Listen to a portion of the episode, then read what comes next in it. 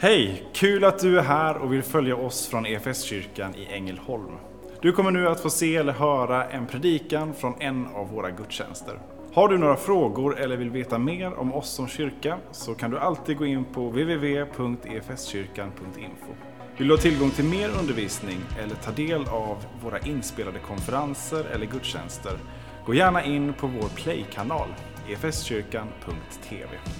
Nu ska vi lyssna på denna veckas predikan. Med all respekt för att man kan tycka olika om detta men jag tycker det är väldigt gott att få sjunga lovsång tillsammans. Eh, från det till eh, min lite retoriska fråga eller mitt retoriska resonemang som du kanske känner igen dig i.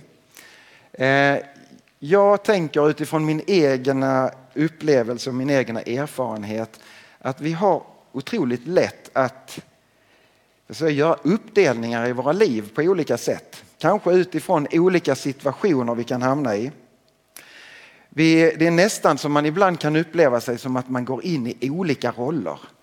Så kanske man är en person eller personlighet i, hemma i familjen och så dyker man upp på jobbet och så är man lite annorlunda där.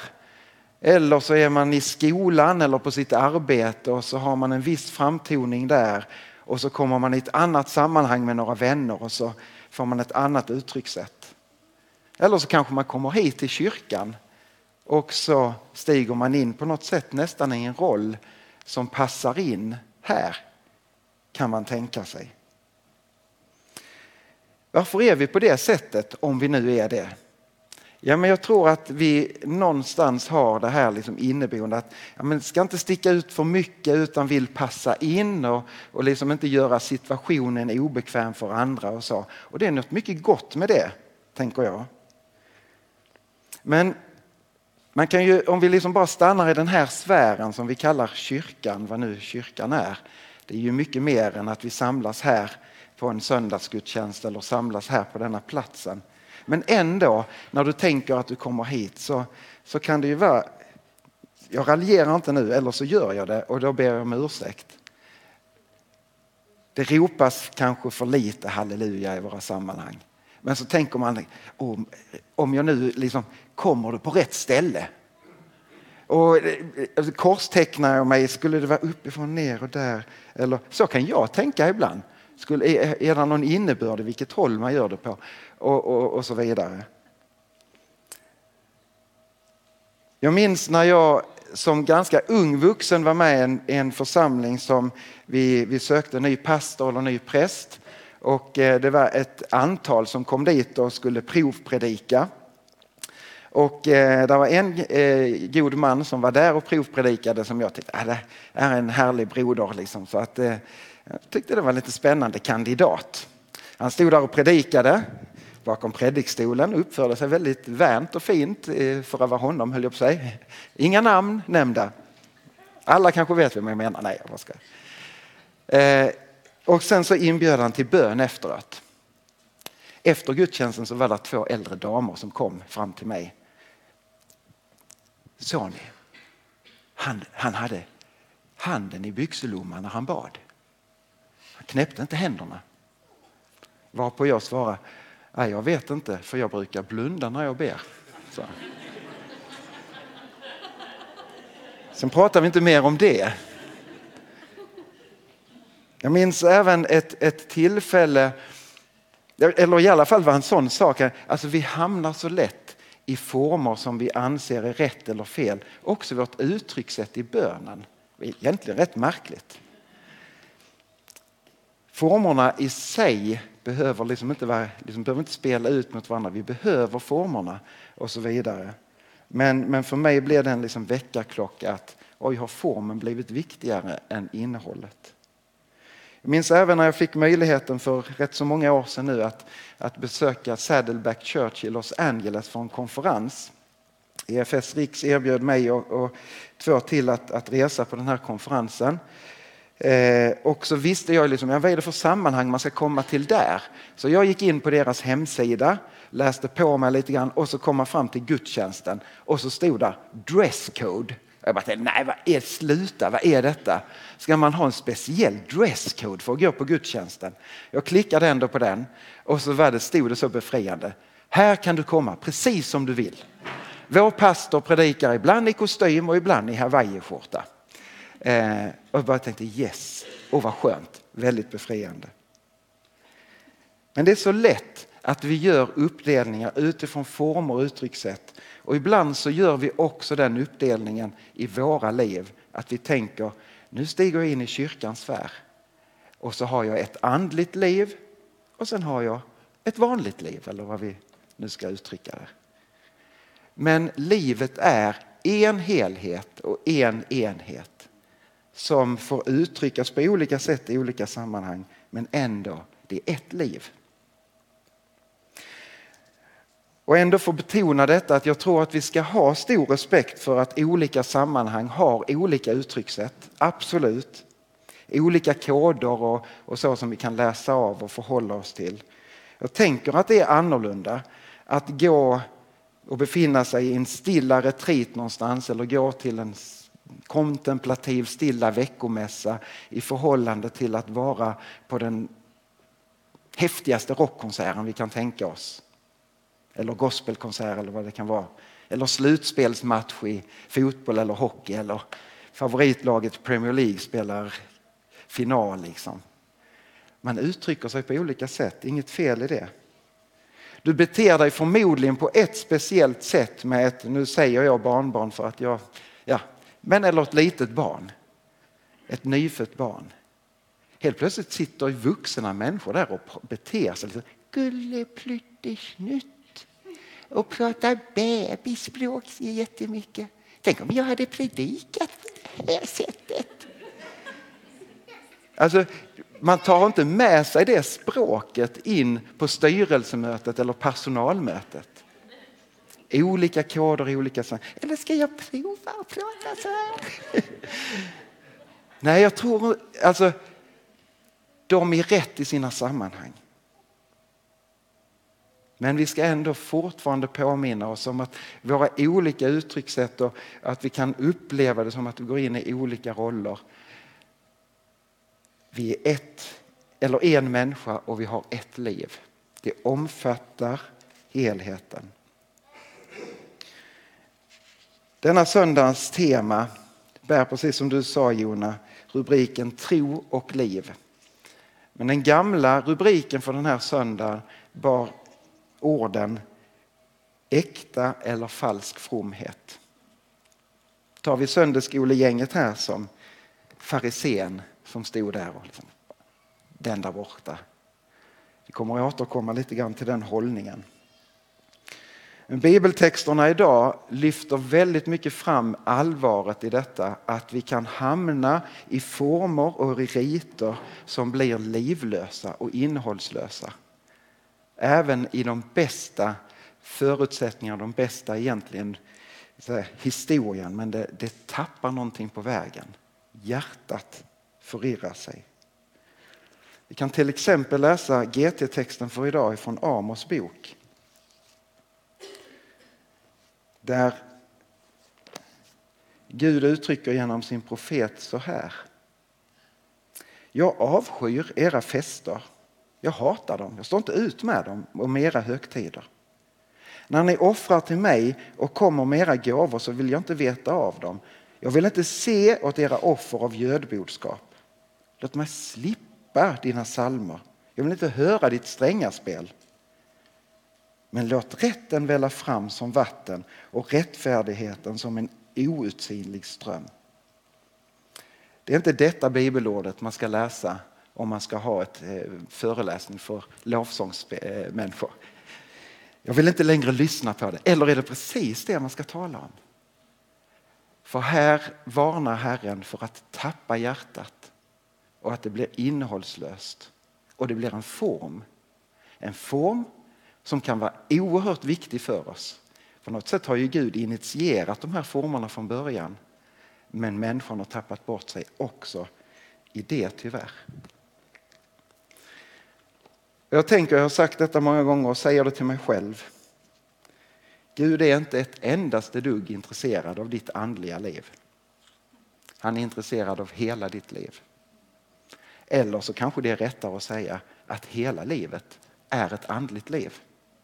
Om du går på rockkonsert, eller om du är i kyrkan, om du är på arbetet eller var du än befinner dig. Vi går alltid med Herren. Vi är alltid hans ambassadörer. Vi är alltid hans barn som får leva ut och återspegla hans kärlek. Och det är han angelägen om och det älskar han. Wow! Jesus han kommer ju också att tala om detta på ett tydligt sätt och inte minst när han möter prästerskapet, sin tids liksom, överhet på det andliga planet. Och han får möta fariseerna som, som liksom de här, många av dem, eller de flesta av dem, har den tydliga bilden av att vi uttrycker tron på rätt sätt. Vi går på rätt sätt på sabbaten, inte för många steg. Vi håller buden och vi, vi går till templet och vi offrar och vi lever liksom i gudstjänstlivet och så vidare och så vidare. Men Jesus han konfronterar dem återkommande. Om och om, om igen. Ni lever ut en falsk fromhet, säger han. Ni är som vitkalkade gravar, vita och fina på utsidan men på insidan så är det död. Det är tuffa ord till översteprästerna.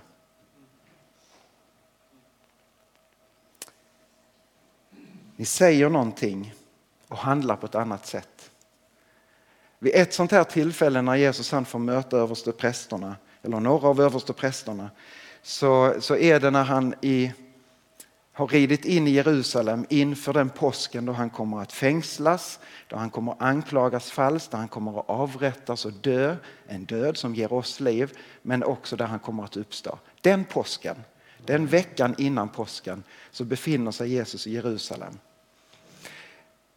När han på måndagen kommer in i Jerusalem, kommer upp på tempelplatsen och ser vad som försiggår där så blir han rasande. Vad, vad, vad sysslar ni med? Hela den här handeln med offerdjuren har flyttat upp på tempelplatsen. Den där marknadsplatsen som var utanför templet innan. Nu är det så mycket folk som de har flyttat upp på tempelplatsen. Och så kommer människor dit.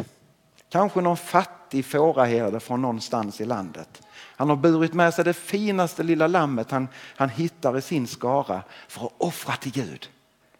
Oh, han har längtat, äntligen ska jag få göra den där pilgrimsresan. Jag tar med det dyraste jag har. Det vill jag ge till Herren i tacksamhet. Det är min lovsång till Gud. Och så kommer han upp på tempelplatsen och så står vakten, prästen, nej, nej, nej, nej, det är inte fint nog.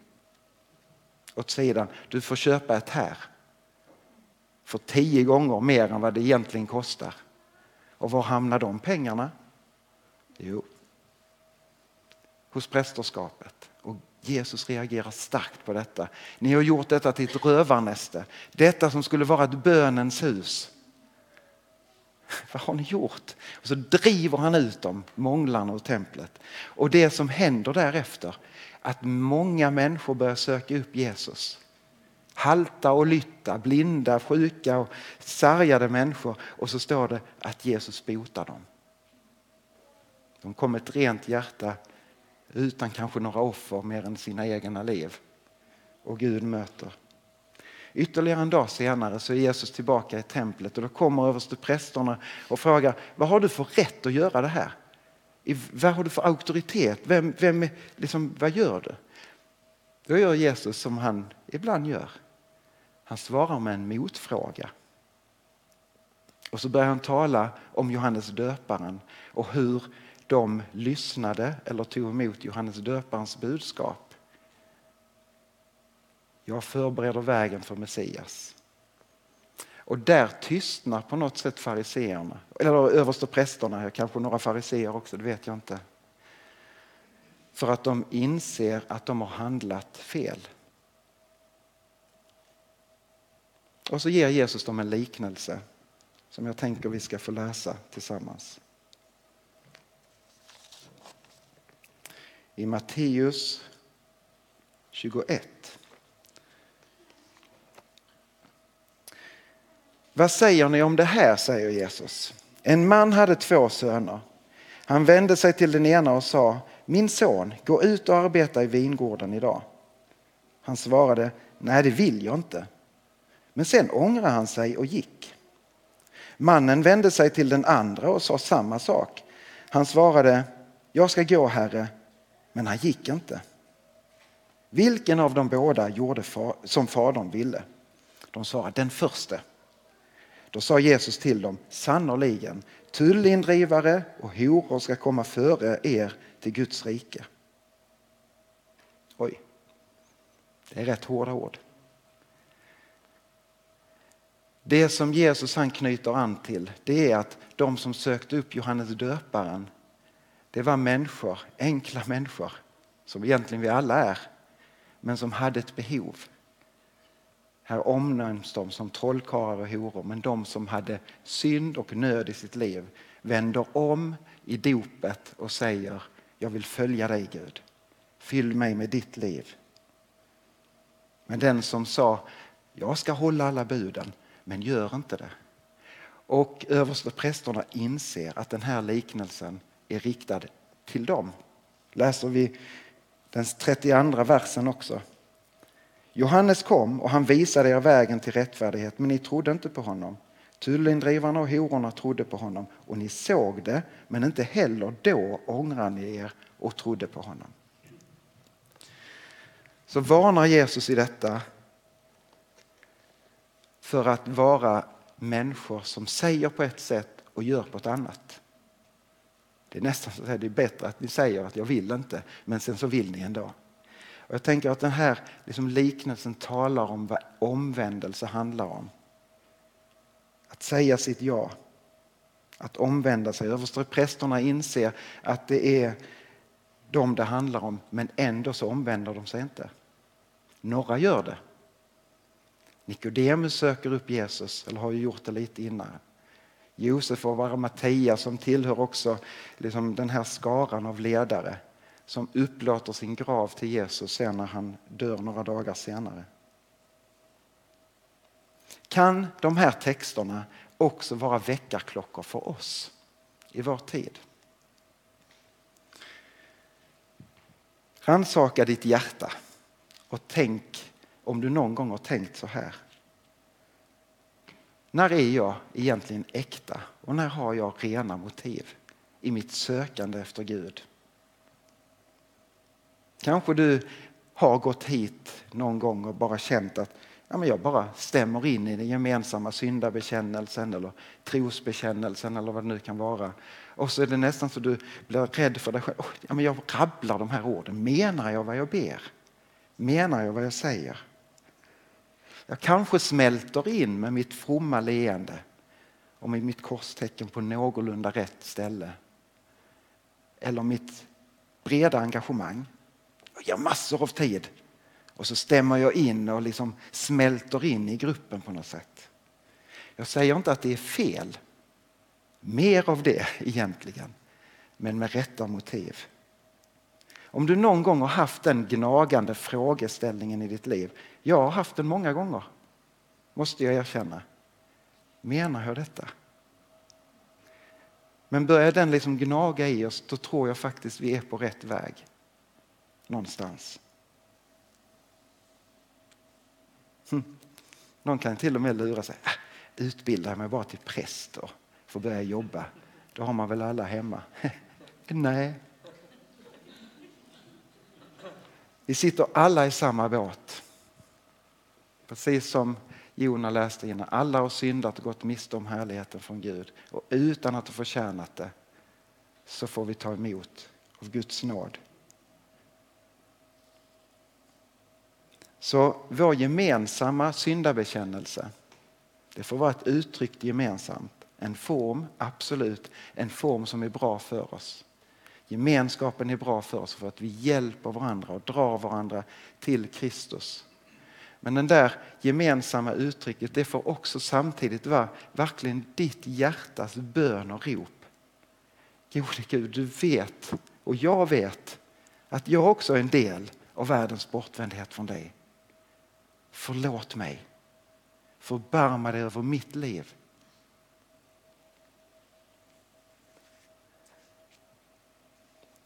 Också vår gemensamma trosbekännelse som vi kan stämma in i på olika sätt.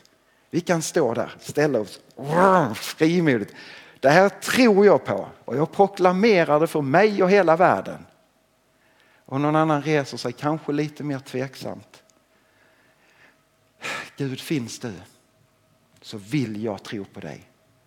Föd tro i mitt liv. Det gemensamma uttrycket får också vara en påminnelse om att jag står inte ensam. Vi är syskon som hör ihop. Vi är alla ett i Kristus. När jag ber med i Herrens bön så är det ett rop till Gud, levande Gud som är intresserad av vår tid. Där vi ställer oss tillsammans med alla kristna över det här jordklotet idag. Som ber i sina gudstjänster eller i sina hem eller sina enskilda bön. Kom Gud, låt din vilja ske. Låt ditt rike komma. Bryt in ännu mer i vår tid. Samtidigt så får det vara inte bara vår fader utan också min fader. Tack för det bröd jag har på bordet idag. Förlåt mig mina synder. Hjälp mig att förlåta andra. Och så proklamerar vi både från mitt eget hjärta men också gemensamt. Din är makten, din i äran i evighet. När har vi de rätta och rena motiven? Herren är inte ute efter ett visst sätt att uttrycka sig, en viss form. Formerna behöver vi, men Gud är intresserad av ditt hjärta. Din, ditt hjärtas inställning. Det kan komma ett halleluja på helt fel ställe. Det, eller det kan aldrig bli på fel ställe. Det är alltid rätt att få uttrycka sin tacksamhet till Herren. Korstecknet, det kvittar kanske om det blir lite på snedden. Herren ser till hjärtat. Amen. Äntligen. Tack för den. Och någon annan ropade i sitt hjärta. Herren vill möta dig och mig och han vill prägla våra liv och påminna oss om att han är med oss alla dagar genom livets alla skiften. Om det är på konserten, hockeymatchen eller badmintonmatchen. I kyrkan, hemmet, skolan. Var helst vi befinner oss så är han med dig. Så vi får fortsätta att be. Och jag tänker att vi ska få göra det tillsammans med kung David. En bön som får vara också vår gemensamma bön för den här kanske platsen om Guds ledning, men också enskilt. Gud led mig. Och jag läser ifrån Saltaren 25. Herre, jag sätter mitt hopp till dig, du min Gud. Jag får trösta på dig. Svik mig inte och låt inte mina fiender triumfera. Den som hoppas på dig blir aldrig sviken, men den trolöse ska stå där tomhänt. Herre, lär mig dina vägar. Visa mig dina stigar. Led mig i din sanning och lär mig du som är min Gud, min räddare. Ständigt hoppas jag på dig. Herre, kom ihåg din barmhärtighet, den godhet du alltid har visat. Glöm min ungdomssynder, allt jag har brutit. Tänk på mig i din trofasthet, Herre, du som är god. Herren är pålitlig och god. Därför visar han syndarna vägen och han leder de ödmjuka rätt. De ödmjuka lär han sin väg. Amen. Som kyrka är det en glädje att få spela en liten roll av allt Gud gör i och genom ditt liv. Vi vill gärna fortsätta följa dig på den resan. Och vill du ta reda på vad ditt nästa steg kan vara på din resa med Gud så gå in på efskyrkan.info nästa steg. Vår längtan är att få se människor och samhällen förvandlade av Jesus. Genom en kyrka som återspeglar Guds hjärta, bär varandra och betjänar människor varhelst vi befinner oss varje dag.